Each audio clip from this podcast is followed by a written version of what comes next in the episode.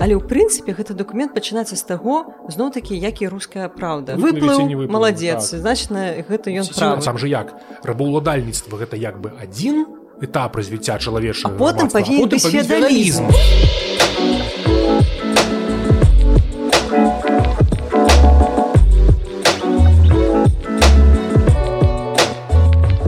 шчыра вітаю шаноўныя сябры шаноўна гаспадарства з вами я дзягельганна і гэта падкаст так сказалася гістарычна. Сёння у нас другі выпуск у нас зноў госць выкладчык даследчык гісторыі полацкай зямлі Сергей емельянаў вітаю усіх добрый дзень.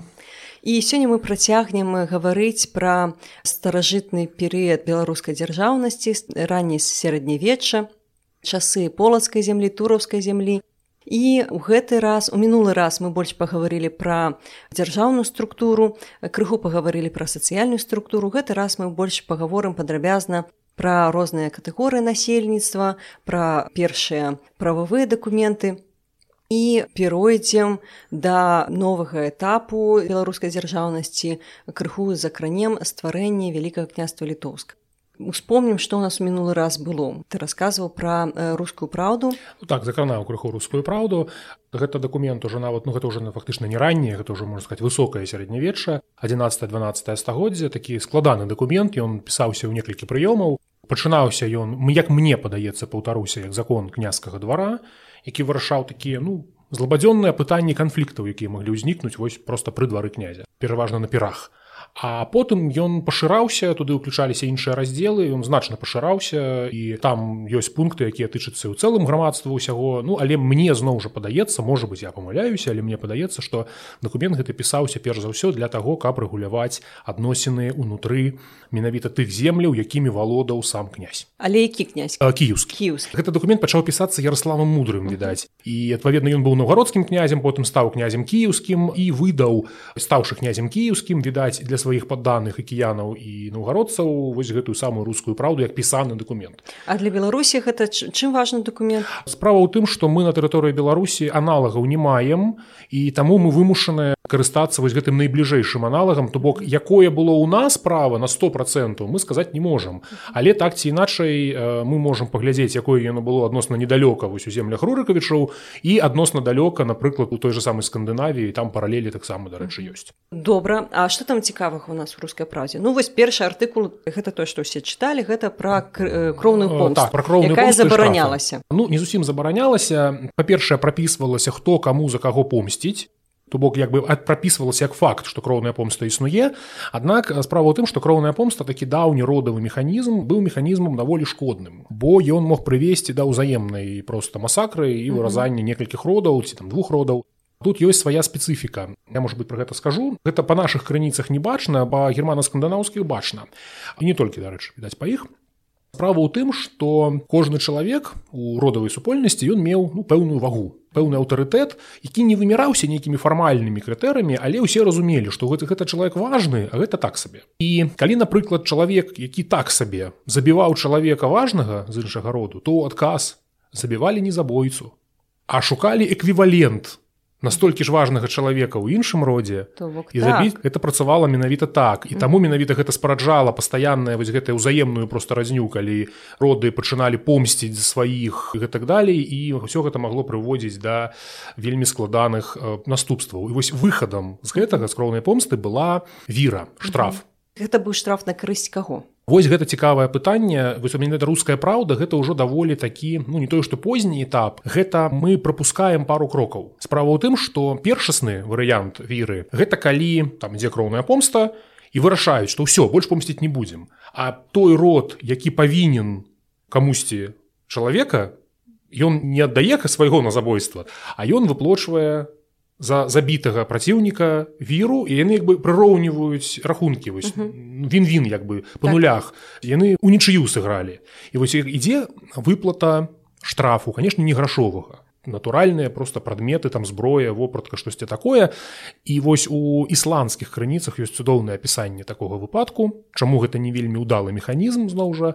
Два роды плаціцца штраф накладаецца цэлая гара рознага добра і перад тым як падыдзе той рот які павінен штраф забраць старэйшы правадыр першага роду здымае з плечаў сваіх дарагі плашч і кідае наверх на ўсё гэтае добро что гэта азначае? Гэта азначае што ён показывае што мы настолькі крутыя што можам вам пераплаціць. З нашага пункту гледжання гэта нонсенс з пункту гледжання традыцыйнага грамадства ажно до 18 стагоддзя до 19 успомніце паводзіны шляхты дваранаў прапіць апошняга коня гэта норма. Я показываю гэта называется дэманстратыўнае спажыванне. У тым ліку я показываю что я магу а калі яшчэ справа про такую делікатную рэч як кроўная помста і роць гэтыя выплаты то падышлі крэўнікі забітага паглядзелі кажуць много чый плаш забярыце все маўчаць. Плаш не забралі гэтыя тады развярнуліся не забралі штраф кроўная помста закруцілася на ноў і скончылася для таго чалавека які кінуў плашчы для ўсіх яго сваякоў вельмі сумна. Таму на пэўным этапе калі ўжо ўзмацняецца княская ўлада дзяржава непазбежна рэгламентуе кошт чалавечага жыцця скажем так. І мы бачым гэта яшчэ ў шостым стагоддзі ў знакамітай лексаліка салічнай праўдзе гэта франкскі закон франкавы якія заваявалі заходнюю рымскую імперыю яшчэ. Там ёсць такі тэрмін адтуль жа вергельд золата за чалавека вір вірі чалавек так гель золата і адсюль дарэчы магчыма славянскае слово віра гэтыя самыя віры яны былі даволі высокімі за забойства. У рускай праўдзе гэта 40 гривен. Яны дзяліліся там штосьці ішло князю штосьці ішло сваякам забітага і цікавы момант прыкол рускай праўды што яна прыроўнівае цэлы шэраг катэгорыяў насельніцтва. Па вірах там пералічваецца цэлы шэраг катэгорыяў пералічваюцца госці пералічваюцца славяне. Ну відаць славенне то бок гэта мясцовыя як бы жыхары. Пералічваюцца яўна з катэгорыі скандынаўскія. То бок перад князем стаяла задача.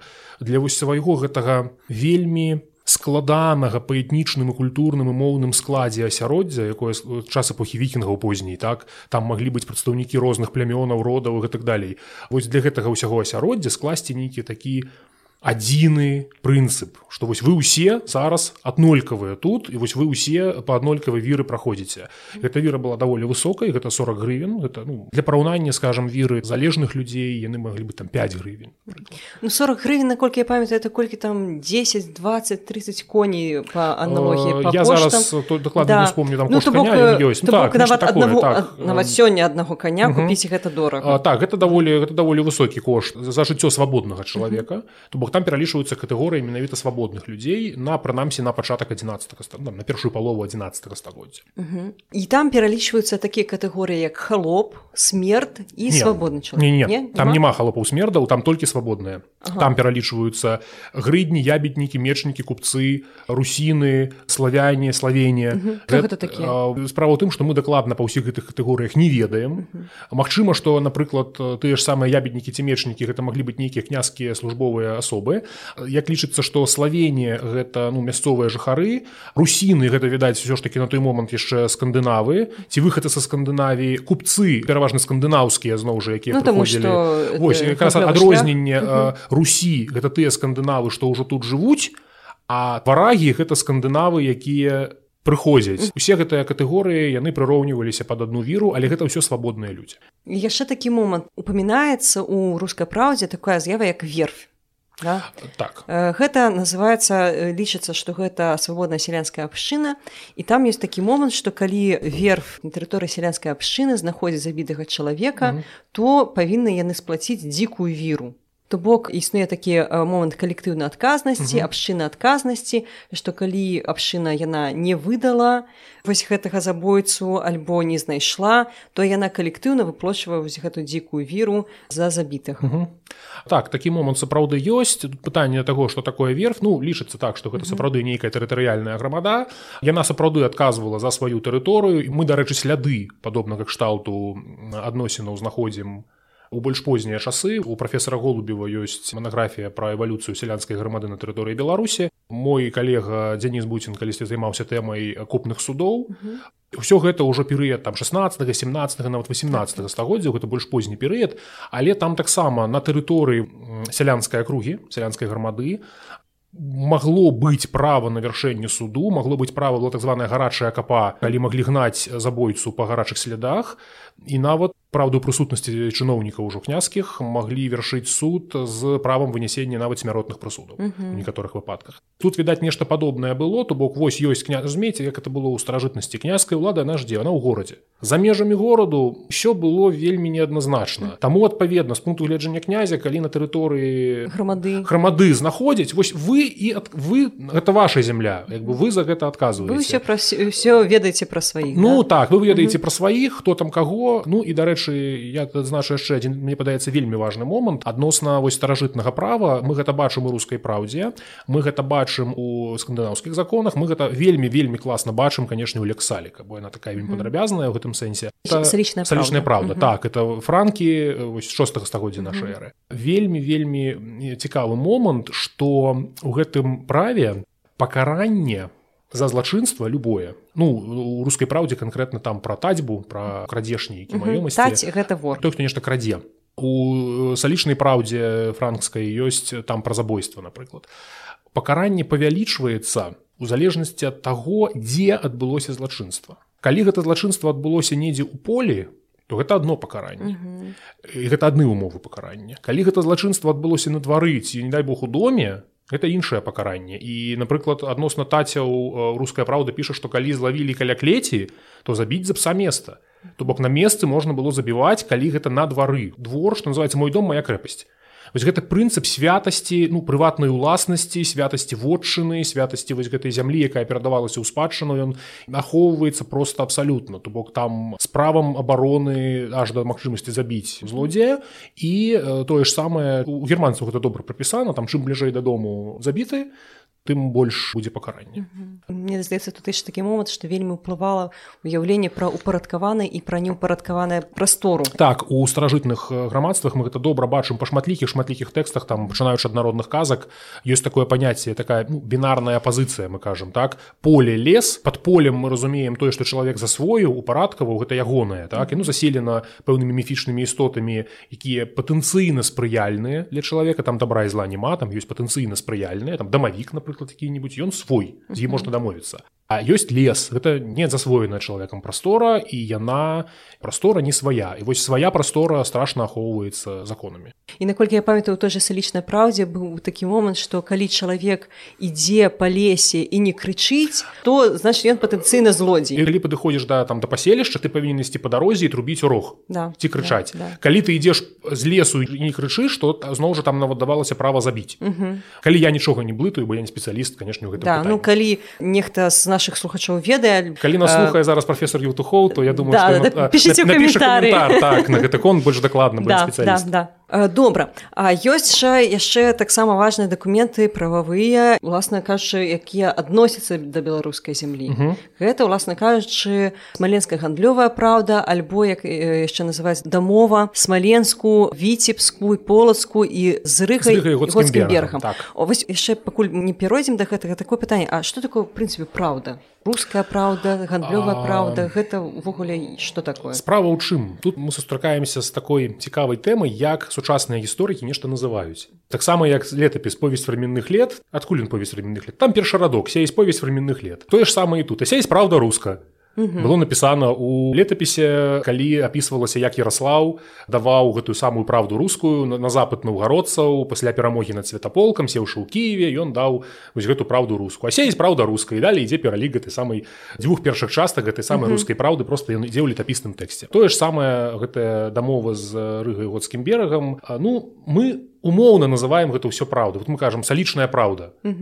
Якая яна праўда? На лекс саліка салічны закон калі даслоўна з лацінскай мовы перакладаць там ніякага слова праўда няма.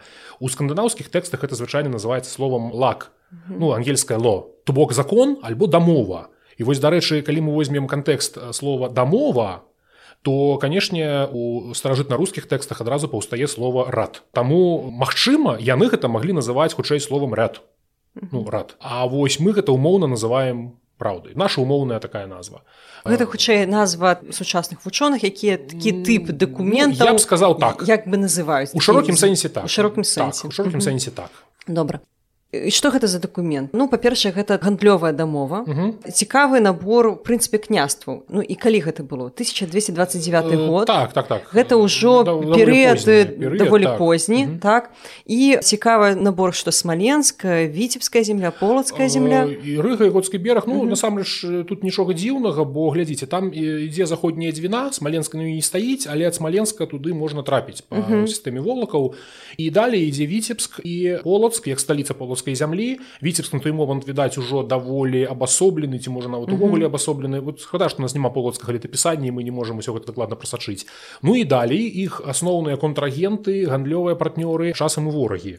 Гэта горад рыга які ўжо на той момант 30 гадоў лічыць існуе ну і далей гэта выспа готланд гэта балтыйскае мора гэта асноўны такі пункт гандлёвы з часовой эпохі вікінгаў па гандлі са шляху зварах у грэкі. Вось калі вы ідзеце на караблях там з нарвегіі ці швецыі то перш чым вы ідзеце у вось гэту самую гардарыку гардарыку то вы трапляеце на готланд. Ты можете там у прынцыпе прыстаць пагандляваць ці адпачыць і далей ўжо ісці працягваць свой шлях. Таму адпаведна так гэта такі ключавы важны гандлёвы пункт. Так і гэта даволі цікавы дакумент тому что там акрамя таго что рэгуляванне сапраўды гандлёвых адносінаў каму што вінны якім чынам павінны вырашацца гандлёвыя спрэчкі якім чынам павінен чалавек вырашаць калі ён узважыць нешта судовае да каго з апеляцыяй звяртацца.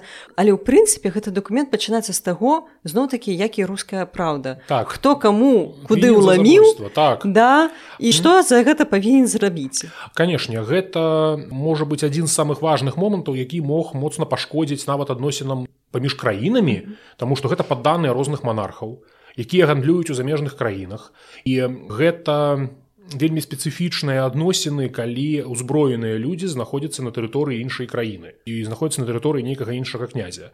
Там павінен дзейнічаць рэжым які называўся у вікінгаў яшчэ называўся мірная зямля фрідланд. Гэты самы рэжым мірнай зямлі ён напрыклад калі дружына прыбывала на пэўную тэрыторыю то у першае што рабілі мясцовыя ўлады ці гэтыя вось прыбылыя вікінгі яны абвяшчалі што гэта фрыдланд што вось гэта ну мы гарантуем фрыдланд што не будзе напрыклад там нейкіх рабаўніцтваў нейкіх гвалтон мясцовым насельніцтвам там і гэтак далей і так далей і наадварот мясцовыя ўлады гарантавалі што адносна гэтай прыбылай дружыны таксама нічога не будзе Таму канешне калі раптам узнікалі спрэчкі п'яныя бойкі mm -hmm. гандлёвыя спрэчкі да мала што вось як апісана ў сазе пра олафа тругвансана калі малады олаф прыбыў да князя князя вальдемара владимира святославіча будучага князя кіевскага владимира святога новгород тады яшчэ.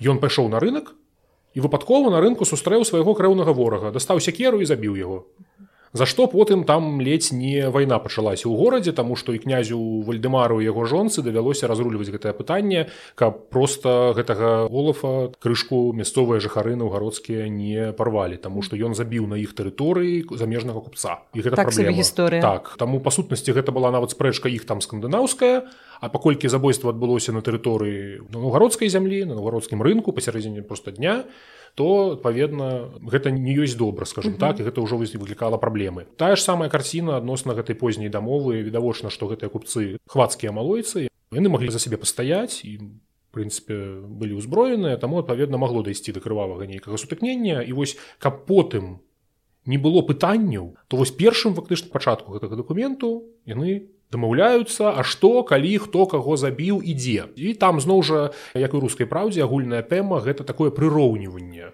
што вось неважна хто каго ідзе але права адзіная дамова адзіная вось мы дамовіліся так что так, так, і для немцаў і для так, рускіх так, людзей. так, так, гэта так. шмат разоў там падкрэсліваецца. І цікава таксама што гэта насамрэч была не адзіная дамова.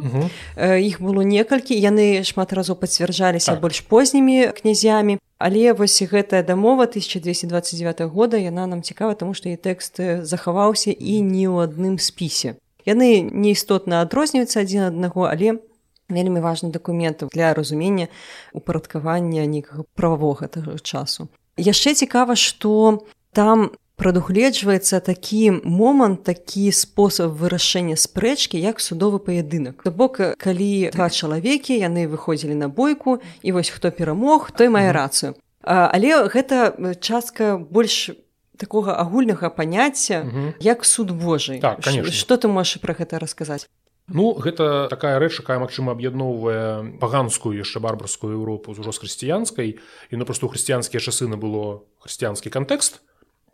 Але па сутнасці ідэя засталася тая самая. Калі два чалавекі кажуць нешта рознае то яны могуць выйсці на бой да смерці.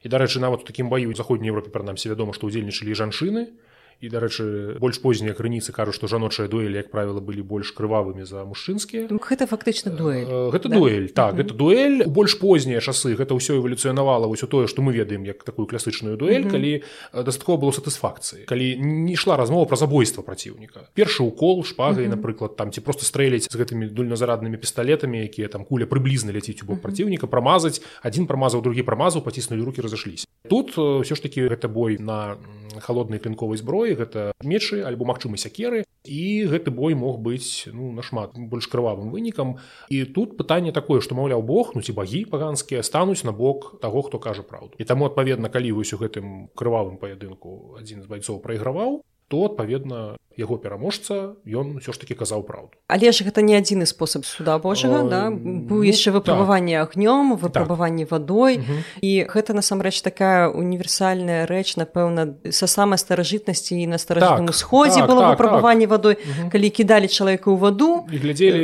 выплыў маладзец так. значна гэта ён ці наадварот як з ведзьмаркай калі лічылася што калі выплывае то чор дапамагае калі не выплывае то і выцягвалі на малайчынка да ці выпрабаванне агнём калі трэба было гарачы там нейкі вугалёк ці кавала жалеза ўзяць у руку потом глядзелі ажогі калі няма калі ёсць mm -hmm. так далей там зно по-рознаму могло да, да, да. але з вязьмаркамі гэта ўжо больш так, шмат больш да, да, да.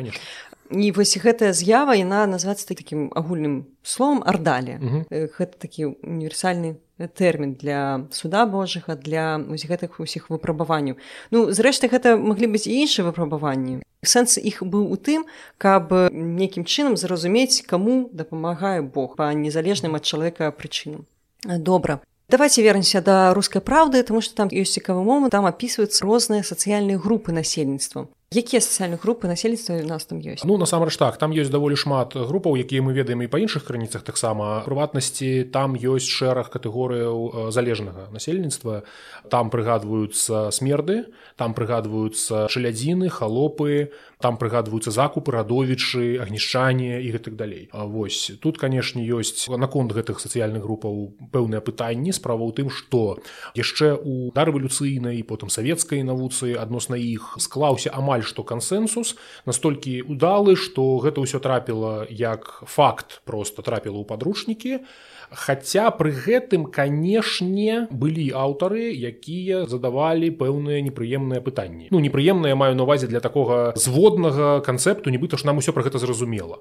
Насамрэч я скажу першасна адразу што як і выпадку напрыклад з катэгорыямі дружыннікаў хто такія грыдні там хто такія мечнікі вялікае пытанне mm -hmm. Нам не зразумела поўнасцю на сто процентаў пра ўсе вось гэтыя групы асабліва несвабоднага насельніцтва нагадаю дарэчы што свабодныя людзі называюцца звычайна просто словом людзі мужы знатныя свабодныя людзі могуць называцца там вялікія мужы абсалютна аналагічна мы назіраем сітуацыю ў скандынавіі калі мы бярэм залежнае насельніцтва несвабоднае насельніцтва Чаму мы дарэчы бачым што яно не свабоднае па вергельдзе па віры то бок калі за свабоднага чалавека 40 гривен а за цэлы пералік вось там залежныя людзі і там 5 гривен то ну слухайте ну, розніцу 8 разоў mm -hmm. так? Для параўнання у той же самай салічнай праўдзе розніца паміж свабодным чалавекам і рабом у тры разы. Тут нават у 8 разоў. То бок відавочна што грамадства было больш дыферэнцыяваным. Вось гэта адлегласць паміж свабодай і несвабодай яна была значна большай. Ну і зразумела што былі нейкія ступені залежнасці ці не? як лічыцца зноў жа у нашай гістарыяграфіі так? Што былі і нават прыгожыя малююцца схемкі і карцінкі але калі ўзяць проста рускую праўду як крыніцу то то там напрыклад тыя катэгорыі смерды закупы радовічы якія у нас прапісаны як розныя ступені залежнасці uh -huh. і праўда у розных кніжках і на па-рознаму часам прапісваюцца. Дык вось яны аднолькавай віры абараняюцца. Uh -huh. я раблю просто выснову што яны аднолькава ацэньваліся. Але напэўна яны розным спосабам uh -huh. былі залежны. Ну, сапраўды яны залежалі розным спосабам. Адносна дзвюх катэгорыяў усё вельмі проста. Uh -huh. гэта чэліці халопы. Так. Гэта рабы. Такія нармальныя хатнія рабы бо мы ведаем гэту самую чэляць нявольную у нашмат больш позніх крыніцах. Яна фігуруе нават там у 16 стагоддзе і таму адпаведна з чэлядзю якраз праблемаў няма. Калі ў вашай гаспадарцы ёсць раб які вам належыць як маёмасць калі ён жыве ў вашым доме працуе на вас то гэта ваш чалядзін па сутнасці гэта маёмасць рухомая то што называлася у скандынавій фе а ў наших продкаў тавар. Это можна купіць прадаць халопа можна звесці халопа можна скрасці і гэтак далей. Это маёмасць калі владимир манамах пісаў што ў менску захапіўшы менск не пакінуў ні чалядзіна ні скаціны то ён у прынцыпе роўненька прыроўніваў дзве катэгорыі рухомай маёмасці вот эту самую чэляць і буйны рагаты сход які ўласна і называўся ў вузкім сэнсе словам тавар у нас і словам фэ у скандынаву Ну і ўласна кажучы калі смерць альбо чалядзін ён забойства некі крадзеж зрабіў то нёс адказнасць за яго не ён сам. Калі чалядзін то адназначна канешне -huh. так. Калі раб здзяйсняе злачынства гэта пачынаючы ад законаў не ведаю хамурапе можа ну, старажытна егіпецкіх і да часоў існавання рабства за раба адказнасць нясе яго гаспадар безумоўна. Гэта як прыблізна паш сабака пакусаў суседа. Сабака сам па сабе не адказвае. Раб гэта не чалавек. Калі нам сёння гэта цяжка зразумець бо мы на шчасце жывем у грамадстве дзе няма рабства у грамадстве рабаўладальніцкім раб не з'яўляецца чалавекам Ну і власна кажучы ён не можа быць сведкамі і так далее. Так так так да. канешне ён не, не валодае ніякімі характарыстыкамі чалавек ну, як казалі там антычныя часы гэта прылада працы якая умее размаўляць серыяле рым старым вельмі добра гэта сказана калі там актавіан август кажа сваёй сястры актаві вяртайся дадому по табе сумуюць рабы іншыя хатнія жывёлы прыблізна так. Наступная катэгорыя вось. радовічы закупы наконт гэтай катэгорыі наступвае гэтая група радовічаў закупаў тут канешне ёсць пытанні ўжо таму што відаць гэта нейкія людзі якія траплялі у кабалу на падставе пазыкі. Ну так прынамсі вось зводна што называецца сучасная гістарыяграфія лічыць яшчэ раз паўтару могуць быць пытанні павінны быць пытанні але наша гістарыяграфія лічыць што гэта так. Да. ну радовічы гэта якія падпісвалі рад нейкую так, закупы гэта тыя хто бралі пазыку. пазыку. Ну толькі не з феадалам там яшчэ не было феадалу ну. хаця ў нашай гістарыяграфіі піша слова феадалы я стараюся яго пазбегаць так гэта сапраўды людзі якія траплялі ў пазыкавую кабалу. Шкада што няма ў нас поўнай вот карцінкі па законах таму што насамрэч пазыкавая кабала як крыніца рабства вядома напрыклад і ў грэцыі і ў рыме старажытных было цікава параўнаць і што ў грэцыі што ў рыме потым з'яўляліся законы якія гэту справу абмяжоўвалі альбо забаранялі. Бо гэта вельмі небяспечна калі свабодныя грамадзяне робяцца рабамі на падставе таго што яны не могуць аддаць пазыку это вельмі небяспечна для грамадскай бяспекі бо яны просто перастаюць хадзіць на вайну. Бо яны я уже не несуць абавязкаў свабодных людзей нагадаю. Так што абавязкі свабодных людзей гэта валодаць зямлёй хадзіць на вайну і удзельнічаць у палітыцы. Таму тут канешне хацелася б мець больш крыніцаў па старажытнай русі ну маем што маем. Адносна можа быть самай цікавай катэгорыі гэта смерды ведае я тут асобна скажу калі можна таму што ёсць агульнае ўяўленне но праходзіць па падручніках. Скажем так ёсць такі дыяпазон сучасных падручніках пачынаючы ад таго што смерды гэта якраз усе сяляне у прынцыпе і яны нейкія паўсвабодныя ж такое нейкае паняцце ўжываецца А што значыць паўсвабодныя? Ну, так. вірай яны абараняюцца такой жа як рабы. Таму я раблю выснову што іх статус адносна раба не павінен быў адрознівацца гэта раз. Два. Калі пачынаюць успрымаць смердаў як усіх сялянаў но ўжо ўзнікаюць пытанні а як мясцовае сялянства стала вось гэтымі смердамі калі гэта так адбылося? Альбо гэта так не адбылося і вось тут я магу прыгадаць такога савецкага вельмі спрэчнага скажу адразу гісторыка фраянова я яго ж мне раз падаецца прыгадваў. Это яго была цытата про тое што ўзброены чалавек дрэнны аб'ект для эксплуатацыі. Ён у свой час выставіў складаную такую крышку больш тэорыю пра паходжанне смердаў і я хоць не пагаджаюся са многімі іншымі яго поглядамі вось гэтай тэорыяй я мабыць мушу пагадзіцца. Паўтаруся далёка не ўсе гісторыкі яе падзяляюць мягка кажучы. Хутчэй наадварот Нашацца тэорыя фраянова выглядае наступным чынам. Першапачаткова смерда такой форме смерда у множным ліку як людзі. Гэта тыя людзі, ну, нават гэта не людзі, гэта чужыя іншыя вот мы то зноў жа трапляем у сітуацыю як з полі лес так? ёсць апазіцыя свой чужы ёсць свае нашыя гэта прадстаўнікі нашай зямлі спачатку гэта прадстаўнікі нашага роду ці нашага племя. А вось ужо калі мы ствараем палітычную арганізацыю на чале з князем то гэта прадстаўнікі нашай зямлі. Калі мы бярэм напрыклад Ноўгарад то там Ноўград дзяліўся на канцы паводле этнічнай прыналежнасці племянной прыналежнасці там быў славянскі канец чудзін канец ну фінскі крывіцкі канец дарэчы крывічы і славяне раздзяляліся Мачыма гэта не толькі звязана з тым што ну гэта былі розныя групы плямёнаў але магчыма крывічы мелі балцкую падаснову гэта магчыма там тагачаснымі людзьмі разумелася. Гэта зноў жа ўсё вельмі гіпатэтычна паўтаруся.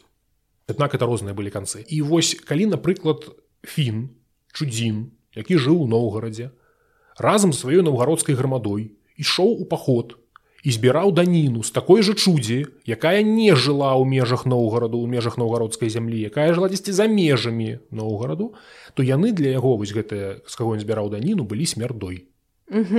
Вось, так. так яны чужыя яны не свае яны не грамадзяне нашай дзяржавы не грамадзяне нашай зямлі. Яны чужыя. І Вось гэтыя чужыя як правіла якія стаялі на больш нізкім узроўні сацыяльна-эканамічнага проста і палітычнага развіцця якія не маглі даць адпор на іх хадзілі перыядычна паходамі збіралі з іх нейкую даніну. Яны былі не чальцамі гэтай зямлі. Што мы назіраем пазней? Пазней мы бачым смердаў ужо рускай праўдзе бачым менавіта на тэрыторыі старажытна-рускіх земляў саміх. І прыгадваецца што смерт напрыклад мае свайго каня прыгадваецца што смерт нават маем выпадак калі смерт ваяваў. Вось калі Ярослав ішоў паходам на свайго брата святаполка то ён нават э, плаціў праўда вельмі мала калі параўнаць падаецца я баюся памыліцца падаецца ў 10 разоў адрозніваецца плата за удзел у гэтым паходзе для наўгародцаў вольных. Наўгародцам даў столькі та смердам столькі показана значится колькі яны атрымалі.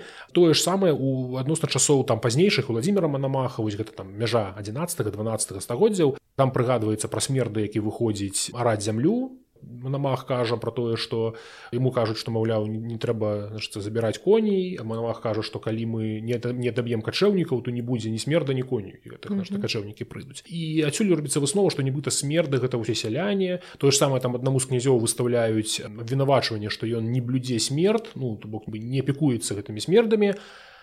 Калі з іншага боку падыходзіць да вось гэтай лёгікі якую прапановваў фраянаў што гэта спачатку даннікі то можна выставіць такую думку гіпотэзу гіпотэзу што смерды пазнейшых часоў гэта ну, нейкі аналаг старажытна-рымскіх калонаў. Гэта рабы асаджаныя на зямлю. Ваеннапалонныя відаць хутчэй. Таму што это звязана неяк што ты пайшоў кагосьці падпарадкаваў сілай зброя ён твоя смерда калі ты гэтую смерду прывозіш каб не хадзіць да яе кожны год кудысьці да 39 земелю за данінай ты прывозіш гэтую смерду на тэрыторыю сваёй зямлі і саджаеш. Справу ў тым што нагадаю у тагачаснай сітуацыі што ў нас дарча што ў той жа скандынавіі вельмі мала людзей вельмі шмат зямлі. І вельмі шмат лясоў і неабжытых земляў. Ідзе працэс які называецца ў скандынаві ў нарвегіі добра вядомы унутраная каланізацыя. Калі ўжо ствараецца княская ўлада яна ўзмацняецца князя ёсць ресурс Ён можа гэты ресурс накіраваць людскі там фінансавы нейкі маёмасны ресурс он можа яго накіраваць на тое каб расчысціць лясы і нейку жыць іх у сельскай гаспадарцы. А хто будзе працаваць на гэтай зямлі? Расчысціць мы можам А хто там асядзе? І вось якраз такі каб забяспечыць гэтую зямлю працоўнай сілай у выніку ваенных паходаў мы захопліваем палонных прывозім іх на сваю зямлю і асаджваем у якасці гэтай самай смерды. Выглядае даволі лагічна ну, так. То бок даволі такая стройная гіпотэза гэта гіпотэза яна дазваляе сказаць што смерды і свабодныя сяляне якія не праходзяць наўпрост па крыніцах яны-то не праходзяць але відаць яны былі. Была вялікая катэгорыя свабоднага сялянства просто ў нас не засталося ад іх сведчанняў яны маўклівая большасць якая не пісала і пра якую не напісала пра якую князь не пісаў. Князь не пісаў таму да. што князю оно было не столькі цікава. Вось у скандынавіі мы пра іх ведаем таму што яны пісалі свае праўды законы у больш познія часы. Мы пра іх ведаем. А вось тут яны не пісалі і таму мы адпаведна пра іх не ведаем. Але відаць яны былі. Яны прыроўніваліся як я казаў мінулы раз відаць да гарадскіх свабодных людзей. Яны былі часткай людзям зямлі. Але акрамя вось гэтых людзей свабодных то пражывала нейкае насельніцтва якое было залежным ад уласніка зямлі Гмерда была свая хата свая карова свой конь свая жонка свае дзеці ён мог нават сваім дачкам даваць пасах але пры гэтым ён жыў не на сваёй зямлі гэта вельмі падобна да будучых прыгонных сялянаў. І болей за тое я скажу что калі мы зноў жа застанемся ў межах параўнаўчай гісторыі то тое што мы добра даволі ведаем пра эвалюцыю сялянства у напрыклад скандынавію той же Нарвегіі тое пра што пісаў знакаміты савецкі медыяві старон Яковлевіч гурэвіч вельмі рэкамендую пачытаць яго працы па нарвежскай гісторыі. Тое што мы ведаем моцна падобна відаць да таго што было ў нас. Можа быць як-нибудь будзе размова пра пачатак феодальных адносінаў і запрыгоньванне сялянства.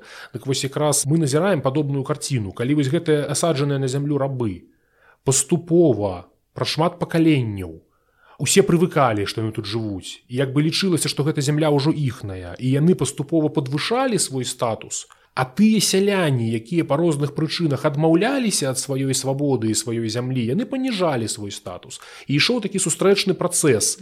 Калі ў выніку вось гэтыя былыя свабодныя і былыя рабы зліваліся ў адну катэгорыю под назвай ну сялянства як мы кажам прыгоннае сяляне але заўваж яны падзяляліся ў вялікім княстве літоўскім спачатку на дзве катэгорыі на пахожых і не пахожых рабы і іх нашчадкі не мелі права пераходу ад аднаго гаспадара да другога яны рабы А пахожыя гэта былыя свабодныя хто мелі права пераходу ну з часам гэта таксама все злілося конечно конечно да, да. гэта вельмі цікава тому что калі чытаеш подручнік такое уяўленне что вось спачатку все былі свабодны паступова по кавалачку адкусвалі іх запрыгонілі запрыгонілі А тут атрымліваецца что ад самага пачатку фактычна была вялікая нас... катэгорыя так не да, залежнага да, да, да, насельніцтва да. канешне гэта дарэчы у савецкай гістарыяграфіі было вялікае пытанне там гэта все тлумачылася неабходнасцю даказаць правату ў межах марксійскай тэорыі. А там же як рабаўладальніцтва гэта як бы адзін этап развіцця чалавечага потым феадалізм. так і у нас у старажытнай русі ўжо па храналогіі павінен быць феадалізм А тут якісь рабы. А тут так рабы бегаюць масава і вось тут тое што смердал называлі феадальна залежнымі гулін феадальна залежнымі калі феадалу не было. Ну, ну так? феадалізм прынцыпе на старажытнай русі гэта, гэта вельмі вялікая так, вялікая асобная да, тэма да, да. так. Я б не называў гэты адносіны прынамсі ў чыстым выглядзе феадальнымі конечно. Ну тут прынцыпе есть пытанне так, што назваць феадальна так, так, так, я так парэкамендую может быть хто хоча глыбей зацікавіцца у арыгінале па-ангельску ёсць манаграфія ангельскай даследчыцы Сьюзан Рэйнальдс таўсценная там недзе на тысячу тысячу сторонок дзе яна просто по костачках раскладае феномен гістарыяграфіі феадалізму і рассказывае про тое што не то что гэтага не было а гэта было настолькі складана что звесці гэта да дзвюх-трох сторонок ці там двух-трох абзацаў нават у школьным падручніку просто нереальна. Добра. З катэгорыямі насельніцтва разабралі ці бачым што у нас ідзе працэс зліцця вось гэтых двух катэгорый. Тады яшчэ не ідзе ну, яшчэ не ідзе так, да? ВКЛ уже пойдзе ВКЛ. так, так, перайдзем да ВКЛ. Што гэта за такі звер? Як ён атрымаўся? Ну мы паговорым толькі пра стварэнне ВКЛ. Тут нават я можа быть прапанаваў размаўляць гэта... пра перад перад, перад, так, перад так. давай спачатку абазначым што нас адбываецца ў прынцыпе ў пачатку 13 стагоддзя на тэрыторыі беларусі добра. Давай давайте спачатку пачнем з такой ж называется мапы так? у нас ёсць ну па-першае вось цэнтр і поўнач паўночны ўсход беларусі гэта полацкая зямля якая на гэты час відаць ужо ну не тое што губляе сваю магутнасць але прынамсі гэта ўжо не часы слава. З іншага боку полацкія князі маюць прыклад экспансіі на захад. то па дзвіне тое што ім цікава забяспечыць спакойны гандаль па дзвіне і яны паставілі на той момант ужо пад свой кантроль не толькі жыхароў полацкай зямлі але і э, суседнія паганскія плямёны балцкія і фінскія ліваў якія жылі на ўзбярэжжа балтыйскага мора. Ну і балцкія плямёны частка відаць літвы земігалаў якія жылі на тэрыторыі ну сучасная паўночная літва і Латвія у падзвінні. Паставілі пад кантроль вось гэтыя плямёны. Яны бяруць іх даніну і таксама гэтыя плямёны відаць па ўсім могуць служыць у полацкіх войсках ну вот на стане федэратаў таких саюзнікаў у падданых саюзнікаў. Яны падпарадкоўваюцца полацкаму князю. Полацкі князь як бы адказвае за іх. Далей гэта землі паўднёвай беларусі якія знаходзяцца под контролем рурыкавічоў і тут трэба сказаць что з аднаго боку у нас ёсць тураўская земля якая даўно ўжо гэта руская земля там пінск побач. А вось далей на захад то берасце горадня наваграда кліда. Гэта тэрыторыі заселеныя балцкімі плямёнамі якія там з 11 стагоддзя пынуліся под кантролем кіеўскіх князёў. І там вось гэтыя гарады там нават былі часта балцкае гарадзішча і потым там ужо старажытна-рускія вось гэтыя бачна культурны слой археалагічна то бок прыйшлі паставілі свой горад і закантралявалі мясцовае насельніцтва. Жыхары гораду жывуць у межах старажытна-рускай культуры я боюся казаць хто яны былі там славяне балты я не хочу разважаць у таких катэгорах это носьбіты старажытна рускай культуры. Ну, археалагічна так, археалагічна. Жыхары дарэчы ўжо хрышчоныя там ёсць царква ўсё так далей. А наваколле гэтага гораду магло заставацца абсалютна паганскім жыць у традыцыйнай там нейкай мясцовай сваёй балцкай культуры і так далей так далей плаціць нейкую даніну. Это такія калоніі своеасаблівыя на балцкіх землях. На гэтым усім шчасці па-перша адбываецца новы віток барацьбы за ўладу ў старажытна-рускіх землях. Як казаў мой настаўнік павла левич шлойка што калі б усё ішло так як ішло то размаўляла б мы сягоння украінскую то вывчала б історыю великкага князівства галацка-валынского Таму што галецка-валынская зямля гэта сучасная заходняя Украіна была ну, адной з наймацнейшых дзяржаваў вось гэтага рэгіёну. І менавіта галецка-валынскай зямлі падпарадкоўваліся і берасце і наваградак мы гэта бачым па крыніцах. Магчыма менавіта яны аб'ядналі б усіх вакол сябе і стварылі нейкую такую больш моцную дзяржаву. Аднак лёс склаўся так што хрусці палам прыйшлі так склалася гістарычна так, да? гістарычна прыйшлі мангола татары так званыя за ўжо асобная песня і такі вельмі штучны тэрмін кабінетны прыйшлі татары прайшлі як нож скрозь масла па ўкраінскіх тэрыторыях не адразу але паставілі на калені фактычна галіцка-валынскіх князёў у тым ліку вельмі непрыемную сітуацыю скажем яны апынуліся. Дайшлі ажно да адрыятыкі у выніку там немца убілі паляка убілі каго там толькі не білі па Еўропе. Потым праўда вымушаны былі вярнуцца назад. Таксама прайшліся яны вось па паднепроўі на поўнач і паставілі под кантроль нават Ноўгород хаця да самога Ноўгораду не дайшлі але наўгародцы згадзіліся плаціць ім даніну. І усталявалася тое што ў гістарыяграфіі атрымала назву татара-мангольская іга. Па нашых землях татары не хадзілі ну ці хадзілі але мало здаецца да берасці дабягалі да, да берасці дабягалі гомель палілі палесці нашего грубо кажучы ад гомельскага да берасцейскага. Вот там недзе яны пагулялі. Легенды кажуць ну есть легенда пра горад койданова дзяржынск сучасны што нібыта там э, міндоўх разбіў татараў. Ну гэта абсалютная конечно просто легенда. Так ці іначай тут асталася як бы тэрыторыя таражытна-руская якая не трапіла под прамы кантроль татараў. А захаду пачынаючы з конца 12 стагоддзя пачынаюць з'яўляцца каталіцкія паломнікі нямецкія і ўзнікае цэнтр сілы на беразе балтыйскага мора. Гэта самы горад рыга які быў цэнтрам і лівонскага біскупства і там утвараецца зброеная сіла для хрышчэння язычнікаў у прыбалтыцы. Гэта лівонскі ордэн мечаносцу а потым яшчэ прыходзіць тэўтонскі ордэн ужо ў тридцатыя гады 13 стагоддзя. І вось лічыцца што менавіта пад ціскам гэтых сілаў крыжакоў захаду і татараў з усходу і адбываецца кансалідацыя на землях сучаснай беларусі і носьбітаў старажытна-рускай культуры і балцкіх гэтых плямёнаў тым больш балцкія князі давалі што давалі даволі моцныя такія дзікія дружыны ваяўнічыя такія так, гэта, гэта вікінгі таго часу разумееш у балцкі у балцкіх плямёнаў у той час наступае эпоха вікінгаў літоўскі гісторык знакаміты эдвард згудавіч вельмі вобразна вельмі класна сказаў што у іх толькі што замест карабля быў конь Але па сутнасці вось гэта тая самая эпоха правадырства пераддзяржаўная эпоха, калі князі узвышаюць сваю ўладу і пачынаюць спаборнічаць між сабой за славу за ваенную здабычу ім цікава пастаянна ваяваць. І таму прыйшлі татары наваградку купцы паглядзелі направо налево ага, вось ёсць міндоўг які скажем з добрым войскам у нас ёсць фінансы у яго ёсць войска гэта шлюб заключаны на нябёсах мы можам абараніцца там ад татараў ад крыжакоў. Відаць неяк так утваралася вялікае княства літоўская Ну, калі вельмі каротка. Да дзякуй вялікі. На гэтым мы скончым. Пра уласна кажучы утварэнне mm -hmm. вялікага княства літоўскага пра яго дзяржаўны лад як там працавала грамадства і так далей. Мы паговорым у наступны раз. Дзякуй Сергей вялікі за размову за сёння за мінулую размову. Слухайце наш першы і другі эпізод на амаль што ўсіх пляцоўках для падкастаў на Ютубе. Подписывайтеся на наши сацыяльныя сеткі пішіце каментары задавайте пытанні будзем вельмі вельмі удзячны і рады. Ну і канешне расказвайце сябрам. Так я таксама дзякую за запрашэнне спадзяюся што не ў апошні раз. Усяго добрага ўсім. Да пабачэння абачэння